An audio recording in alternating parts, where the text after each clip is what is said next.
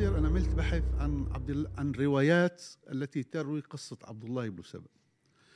ووجدت أن آه، أن عبد الله بن سبأ مروي في بالذات في تاريخ البخاري الطبري برواية سيف ابن عمر.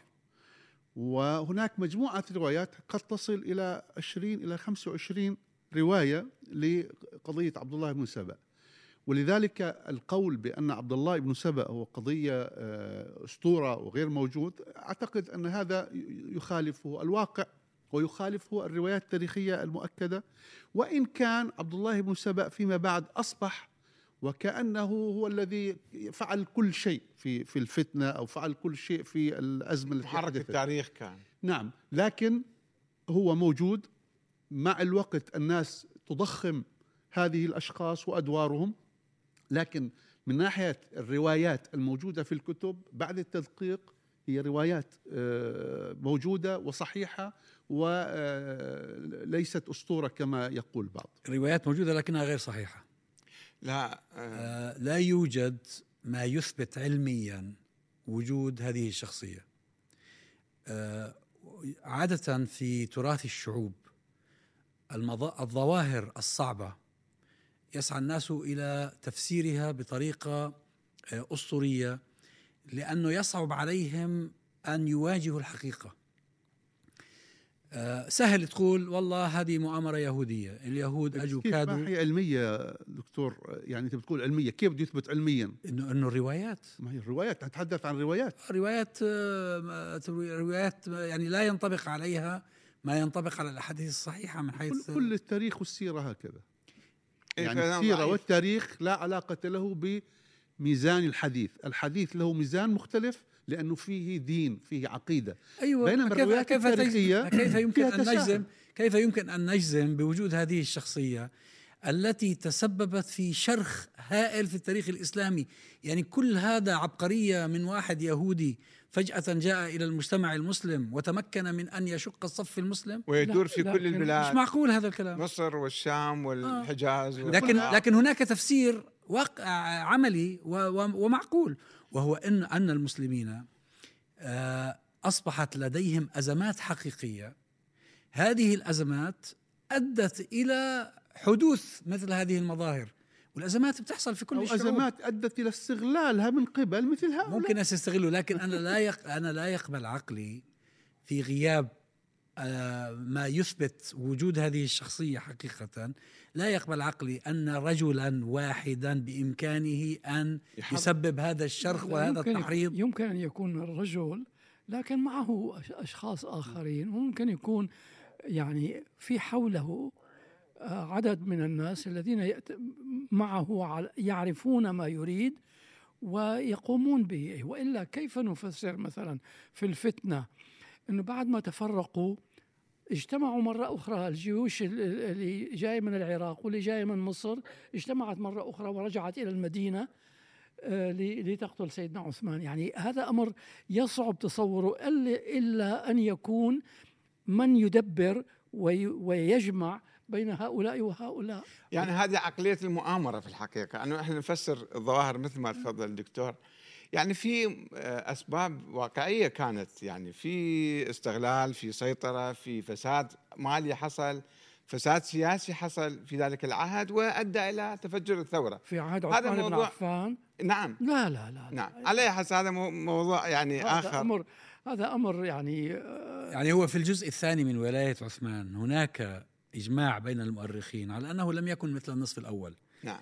آه، بدأت آه، بدأت تصدر عن بعض ولاته ممارسات هي التي أثارت الناس. دكتور عزام شوف أنت لما تحدث عن ناحية علمية أنت تفضلت فيها. الناحية العلمية يجب أن تخضعها أنت للموازين العلمية. والموازين العقلية حتى حتى نقيس برضو بالقضية العقلية أنه هذا ممكن أو غير ممكن. تفضل الدكتور عادل وقال ال- الث- الثوار الذين يسموا بالمتمردين الذين ثاروا على عثمان رضي الله تعالى عنه أو الذين قاموا بالفتنة. كيف يمكن عقلا أن يحصل هذا أنه ناس من مصر ناس من البصرة ناس من الكوفة ناس من من اليمن؟ من الحجاز. ومن الحجاز. يجتمعون كلهم بتنسيق وبترتيب من أجل أن يأتوا إلى المدينة ويقوم بالذي قام به إلا إذا كان في هناك حركة خلف هذا الأمر. في حركة حدثت خلف هذا الأمر وموجود أسماء الأشخاص آه، موجودة في في كتب التاريخ. فلان وفلان وفلان. حتى بعضهم ذكر كيف أنه آه، اشترك.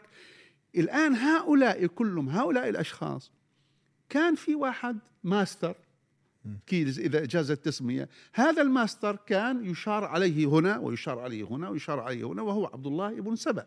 نعم. أنا معك أن دور عبد الله بن سبأ قد ضخم كثيرا هذا صحيح لكن أن ننفي شيء واقعي حدث إنه جيشين بيكونوا يتقاتلوا بعدين بي- بيجتمعوا آه، بي- بينفصلوا وبدهم يصطلحوا.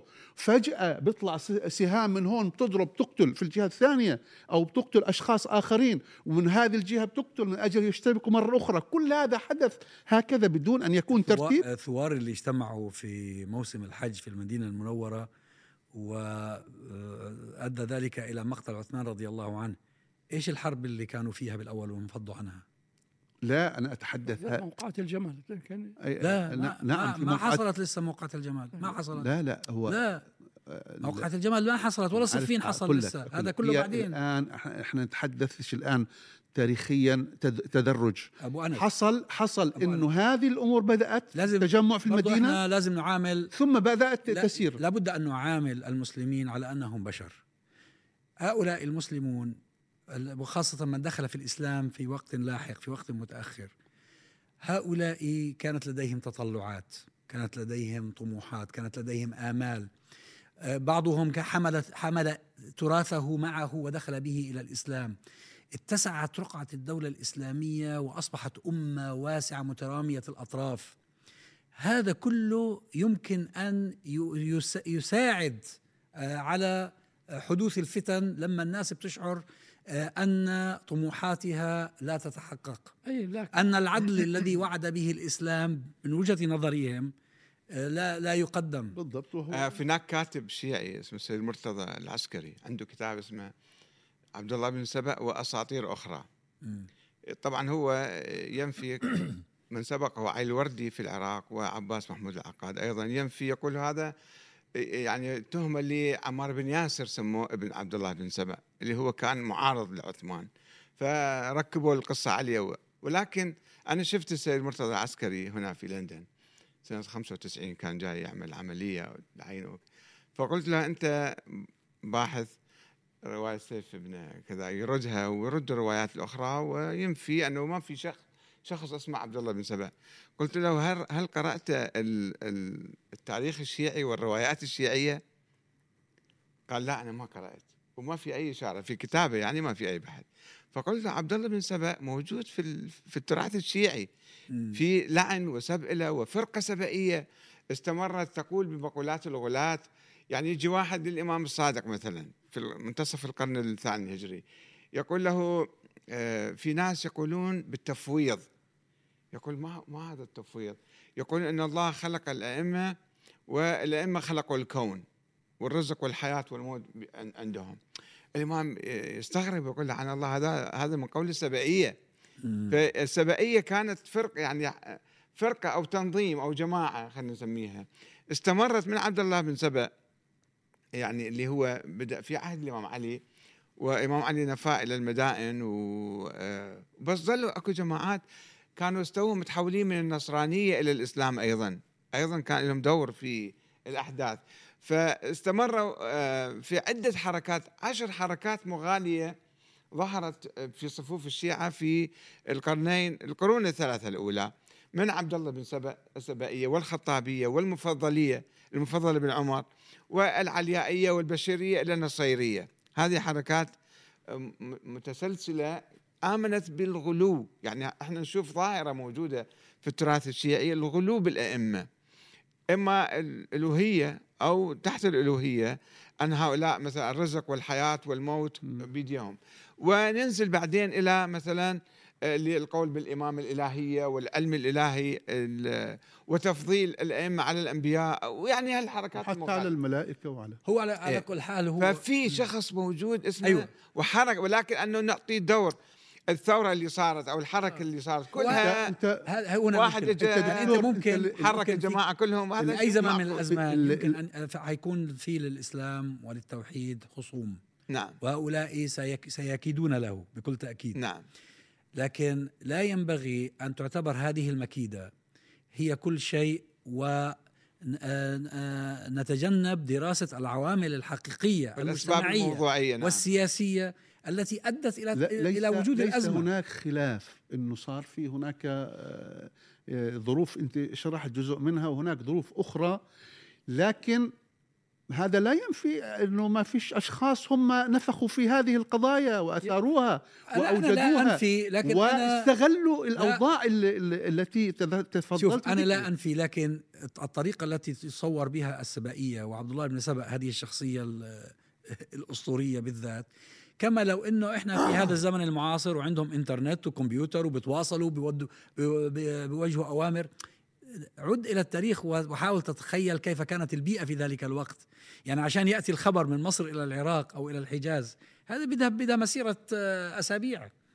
فالناس فيما بعد نسجت ما يريحها من حيث محاولة فهم ما الذي جرى. آه اللي جرى هي مكيدة للإسلام والمسلمين من اليهود وكذا وكذا وكذا وبس. لا يا عمي مش هيك فقط. نعم. اللي حصل إنه هذه الأمة الإسلامية طرأت عليها عوامل. أدت إلى أن الوسيلة أو الوسائل التي كانت تستخدم لحل النزاعات في عهد الرسول صلى الله عليه وسلم وفي عهد الخلفاء الراشدين لم تعد ممكنة بعد ذلك. هذا خلق أزمة أزمة حقيقية كبيرة. صار في مشاكل عند الناس ومش عارفين يحلوها.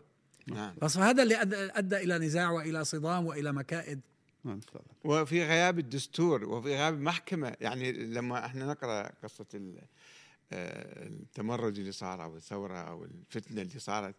أنه إجوا وبالتالي أنه أنتم يعني الرسالة اللي صدرت من مكتب عثمان بتوقيعه أو بخاتمه الناس اللي كانوا جايين من من من مصر وأنه أقتلوهم ذولا كلهم. أنه هذا ختمك.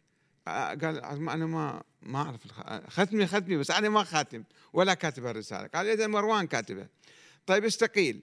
طيب لا ما أستقيل. طيب خلينا نسوي محكمة. ما كان في محكمة آه. تفصل بين ال- ال- الثوار أو بين السلطة الحاكمة. وبالتالي أدت إلى يعني عندنا إحنا مثلا. بالتراث السني ن- ننقل دائما رواية عن عمر بن عن عثمان رضي الله عنه أن هذا كان قميصا ألبسه اياه الله فلا يخلعه. ينزعه. فلا- طب هذا لا يوجد عليه دليل في الإسلام على ال- الحكم هذا قميص أو أنه بتولية ربانية هذا شأن الأمة نعم. والأمة تختار زعيمها ويمكن أن تقيله إذا رأت صحيح. مصلحة في وأبو ذلك بكر إذا- قال إذا- أقي- إذا رأت- أقيلوني. هل كان في في المدينة معارضة لعثمان تكفي إلى إقالته لا أو طبعا ما حصل هو بالتأكيد معلي- معلش خلينا نقول شيء يعني كمان الكلام عن سيدنا عثمان كلام ليس له أساس كبير من الصحة.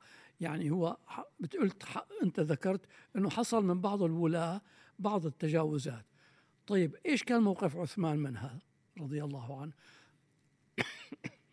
عندك مثلا الوليد بن عقبة أخوه أخوه من غير أمه يعني من غير أبيه.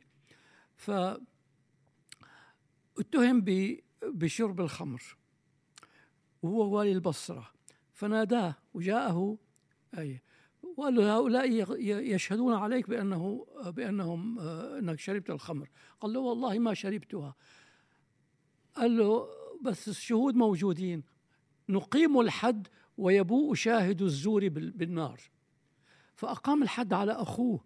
فيعني هذا إنسان وحاكم وخليفة على مستوى فوق التصور من النقاء وهذا وهذه طبيعة عثمان رضي الله عنه سيرته مع الرسول عليه الصلاة والسلام. من يوم أن أسلم إلى يوم أن توفي رحمه الله وهو شهيد. والرسول عليه الصلاة والسلام كان يحبه حبا شديدا وإلا ما زوجه ابنتيه. ذو النورين. ذو- وما تزوج أحد في تاريخ الإنسانية ابنتي نبي إلا عثمان بن عفان. أيوه بس أخ عادل ما هو فضائل عثمان رضي الله عنه. أيوه. فضائل جميع لكن الصحابة. لكن نجي نقول والله كان في فساد في هذه الدولة. بمفهوم الفساد اليوم إحنا عندنا لا هو- يعني هذا أمر لا لا يعني- ليس هذا المقصود. آه، هو هو- المقصود هو أن الناس التي دخ... الذين دخلوا في الإسلام افواجا يطلبون العدل ويطلبون آه، ما ما لم يكن ما كانوا محرومين منه في أنظمة أيوه الاستبداد كمان دخل التي الإس... دخل. كذلك دخل كذلك أناس ادعوا الإسلام وبقوا على دياناتهم صحيح. وهؤلاء كانوا يكيدون للإسلام إن ما نتصور مثلا إن الإمبراطورية الفارسية تهدمت وهي في خلال هذه السنوات البسيطة وفيها هذا يعني النظام الديني الكبير وكل هؤلاء آه، الذين كانوا سدنة النار وكذا وهذه كلهم أسلموا ولا بقي منهم بقايا. تكيد الإسلام وتعرف أنه لا, لا لن يستطيعوا أن يواجهوه مواجهة مباشرة ولا بد أن يواجهوه بالكيد وكذا. وهي فكونوا مجموعات مش مجموعة مش شخصية واحدة. نعم. كونوا مجموعات وكونوا تواصلات وتراسلات وكذا وهذه ممكن إنه يكون حدث شيء من من من هذا أيوه بس بس الآن عفوا بس النقطة آه، فضائل الصحابة. ومكارمهم لا تنفي أنهم كانوا بشرا. بشر. نحن لا نت لا لا لا, لا نسعى للحد لل بالعكس يعني يعني بداية حديثنا هي ضد الذين ينالون من الصحابة. نعم. ليس المقصود النيل من الصحابة. لكن عندما بدأت الإشكالات في الدولة الإسلامية لابد إذا أردنا أن نفهم ما الذي حدث أن نأخذ بالاعتبار العوامل التي أدت إلى ذلك. وهذه العوامل لها علاقة بأمور كثيرة وذكر المؤرخون منها أن عثمان رضي الله عنه على فضله الذي ذكرت أكثر مما ذكرت آه، آه، بدأ يطعن بالسن. وهو وهو يدير شؤون هو- الأمة الإسلامية. شوف يا دكتور أنا وهذا وهذا إشكال من الإشكالات. عمره 82 سنة يعني قد مني الآن أنا في أنا في 82 الدكتور أبو ناجي شوف هو أقول لك في في يعني أنت الآن إحنا ليس بصدد دراسة اللي هي أسباب ال- الفتنة اللي هي إذا أردنا أن نبسط في هذا الموضوع فالأسباب كثيرة جدا. إحنا نتحدث عن قضية مختلفة. يعني هو حتى ال- لا بس هي هذه الظاهرة نقدس- هي هذه. الظاهرة هي وليدة الفتنة لا نقدس الأشخاص مم. لكن إحنا نوقرهم ونجلهم ونحترمهم وما في أحد من غير الرسول صلى الله عليه وسلم معصوم إحنا عندنا. في.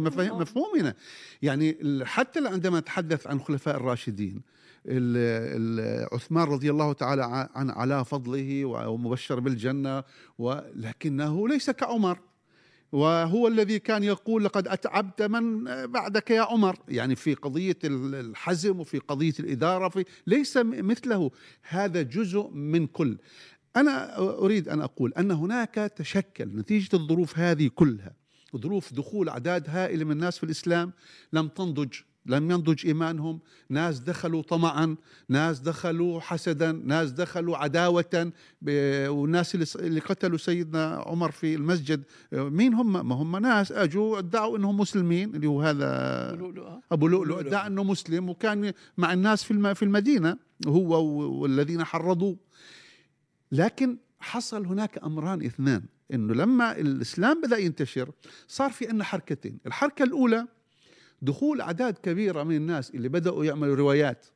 ويط... وي... واللي هاي الروايات هي جزء من محاولة تشويه الأحاديث وتشويه التاريخ وال خلينا نسميها عمل خلط في الثقافة الإسلامية والنقاء وصفائها.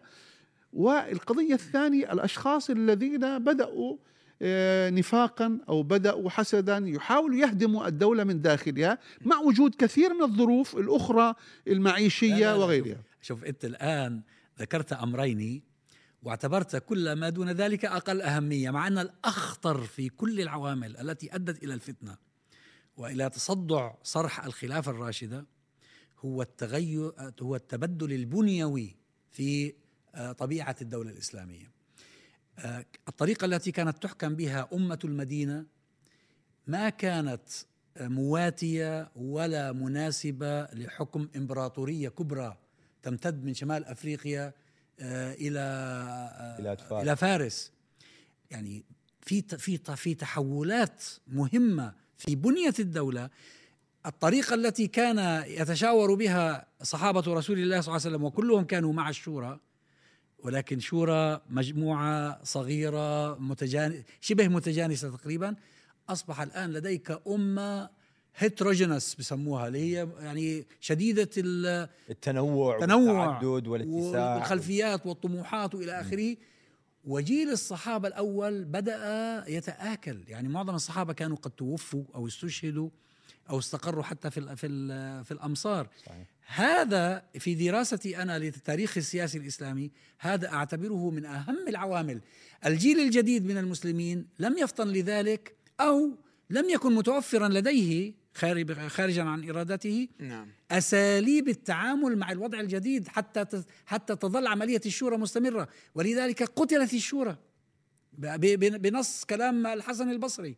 أن الشورى انتهت أنت بتحكي حسن البصري في القرن الثالث تقريبا بداية القرن الثاني إيه. إحنا لا آه. نتحدث عن بداية اللي هي لا هو هو هو 40 يصف سنة. هو يصف ما جرى أيام الفتنة لا لا. عندما آه، قال قتلت الشورى ال- شوف أنا إذا أنت رجعت لكتاب الحكم والإدارة في عصر الخلافة الراشدة ستجد أنه هذه النظم التي وضعت وضعها طبعا ابتداء الرسول صلى الله عليه وسلم وبعدين جاء أبو بكر فترة قصيرة ثم عمر اللي أسس لهذه لهذه النظم.